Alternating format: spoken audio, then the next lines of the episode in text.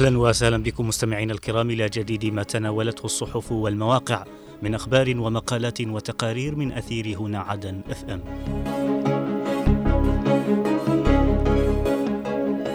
البداية كالعادة من موقع المجلس الانتقالي ومنه نقرأ بن بريك يعزي آل النقيب في وفاة محافظ لحج السابق محسن النقيب الجعدي يعقد لقاء برئيس وأعضاء تنفيذية انتقال سقطرى هيئة التدريب والتأهيل تعقد اجتماعها الدوري لشهر نوفمبر.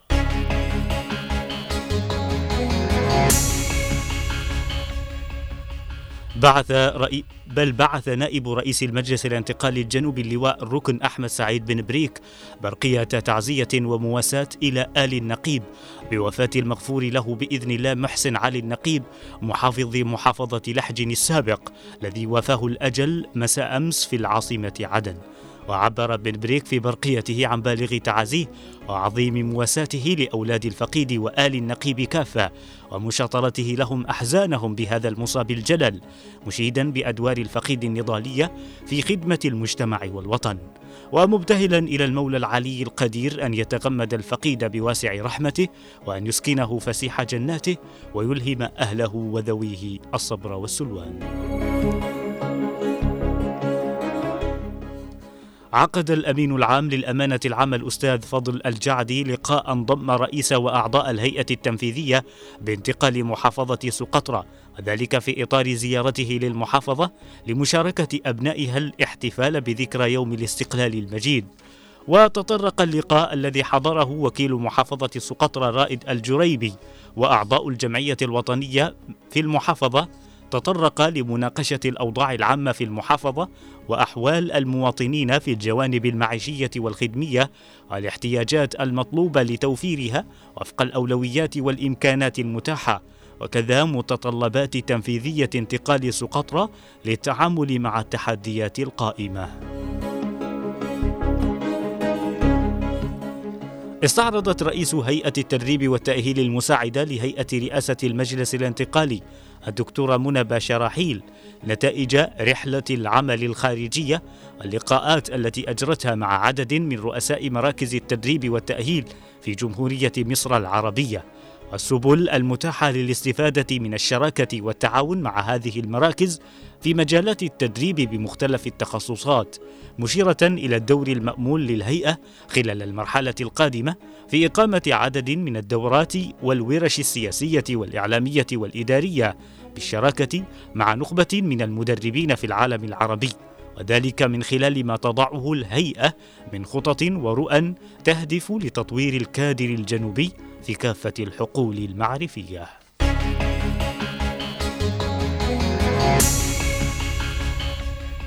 وإلى موقع درع الجنوب ومنه نقرأ سهام الشرق قواتنا تقتحم معاقل جديدة لتنظيم القاعدة بمنطقة الحنكة الكثير يطلع على أوضاع جامعة لحج وبرامج تطويرها الداعري يناقش مع رئيس الأركان السعودي مستجدات الأوضاع العسكرية والميدانية.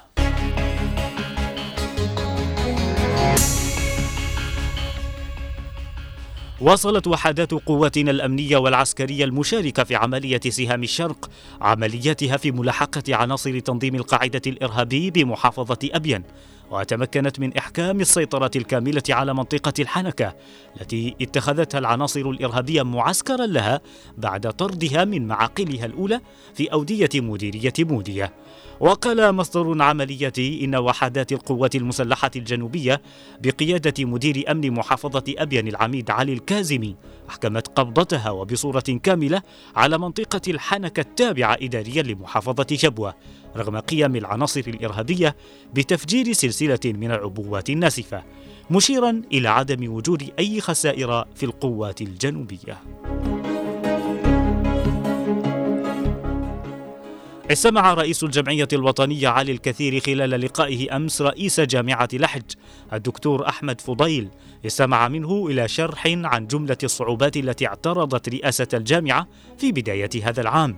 والجهود التي بذلت لدمج الكليات الواقعة بمحافظة لحج التي كانت تابعة لجامعة عدن من خلال فتح تخصصات جديدة في المجالات الطبية والهندسية وبرامج الحاسوب وإنشاء مبان لكليات حديثة في الجامعة بهدف توسيع التخصصات واستيعاب أكبر عدد من الطلاب.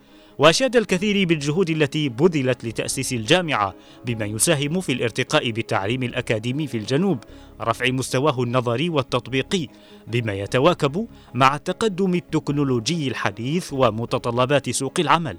مؤكدا أن المجلس الانتقالي سيعمل على تقديم كافة التسهيلات والدعم اللازم لتذليل الصعوبات التي تواجه الجامعة.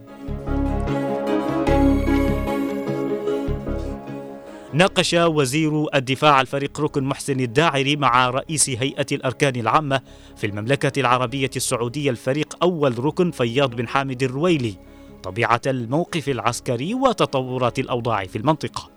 وتطرق الجانبان في اللقاء المنعقد في مقر وزارة الدفاع السعودية إلى مستجدات الأوضاع العسكرية والميدانية واعتداءات ميليشيات الحوثي الإرهابية على مواقع القوات المسلحة بشكل مستمر في أكثر من جبهة. إضافة إلى أعمال القرصنة وتهديد طرق الملاحة البحرية وخطوط إمدادات الطاقة العالمية وما تشكله من إقلاق للسلم والأمن الدوليين.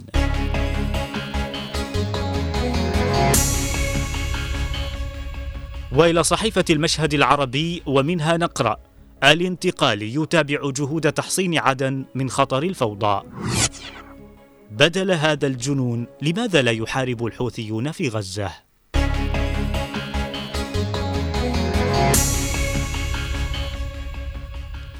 في الوقت الذي تنكشف فيه حجم المؤامرات التي تثيرها القوى المعادية ضد الجنوب فإن القيادة السياسية ترد على هذا الاستهداف بمزيد من الحسم الأمني.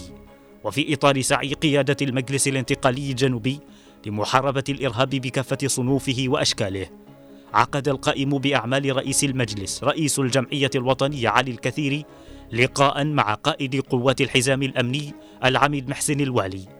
استعرض جهود قوات الحزام في مكافحة الإرهاب والمخدرات والجريمة وتعقب الخارجين عن النظام والقانون وذلك من خلال ما تقوم به النقاط الأمنية من جهود على مداخل المدن لمكافحة التهريب.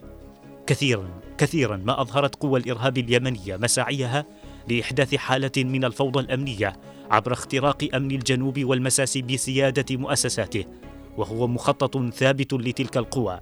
إلا أن الجاهزية واليقظة العالية للأجهزة الأمنية ستقف لها دائما بالمرصاد.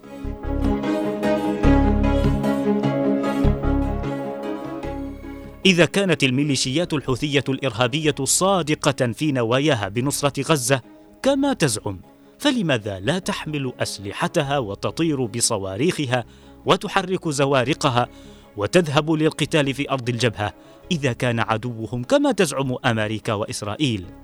لن تفعل الميليشيات ذلك لأنها ما اختارت إلا مسار المتاجرة الرخيصة والجنون الذي لا يفيد الفلسطينيين في شيء ولن يوقف من وتيرة الحرب الإسرائيلية على غزة بل يحمل الإضرار بالمواطنين الجنوبيين. تقويض استقرار الملاحة البحرية هي رسالة تهديد للمنظومة الدولية بشكل كامل. وتضع الاقتصاد العالمي على المحك وتجعله محاصرا بالكثير من التحديات لتضاف إلى سلسلة الضربات التي تلقاها على مدار السنوات القليلة الماضية. التضامن مع الفلسطينيين والحرص على نصرة غزة هو شعور كل عربي حر لا سيما لدى من يشعر بقهر الاحتلال.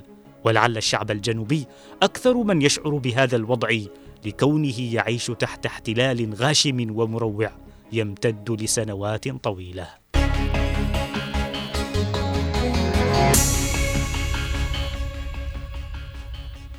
ومستمعينا الكرام نقرأ مقالا بعنوان الجنوب وطن منتصر لا رهانات التمكين بل لا رهانات التمكين للحوثي.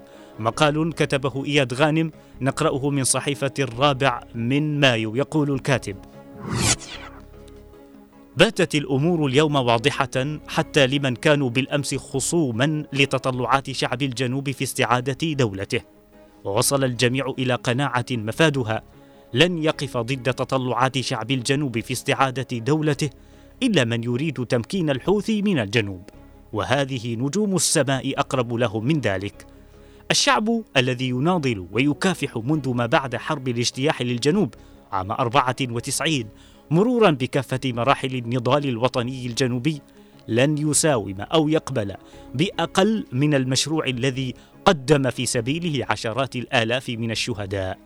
ويضيف, ويضيف الكاتب كل الرهانات والمخططات التي تحاول القوى المعادية للمشروع الجنوبي صناعتها ستسقط وسيمضي الشعب الجنوبي بثبات وعزيمة نحو تحقيق تلك الغاية غاية الاستقلال مهما كانت التضحيات.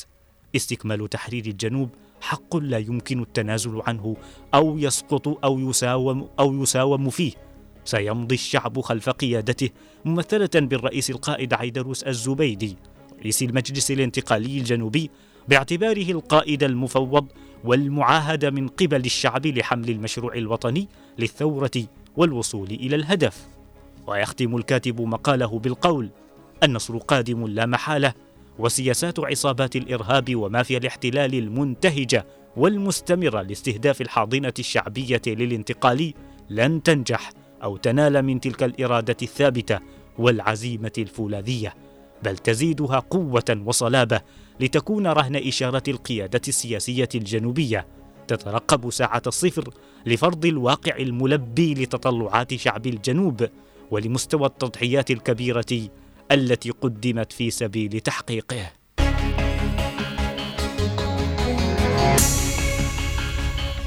إلى هنا نصل وإياكم مستمعينا الكرام إلى ختام هذه الجولة الصحفية من زاوية الصحافة.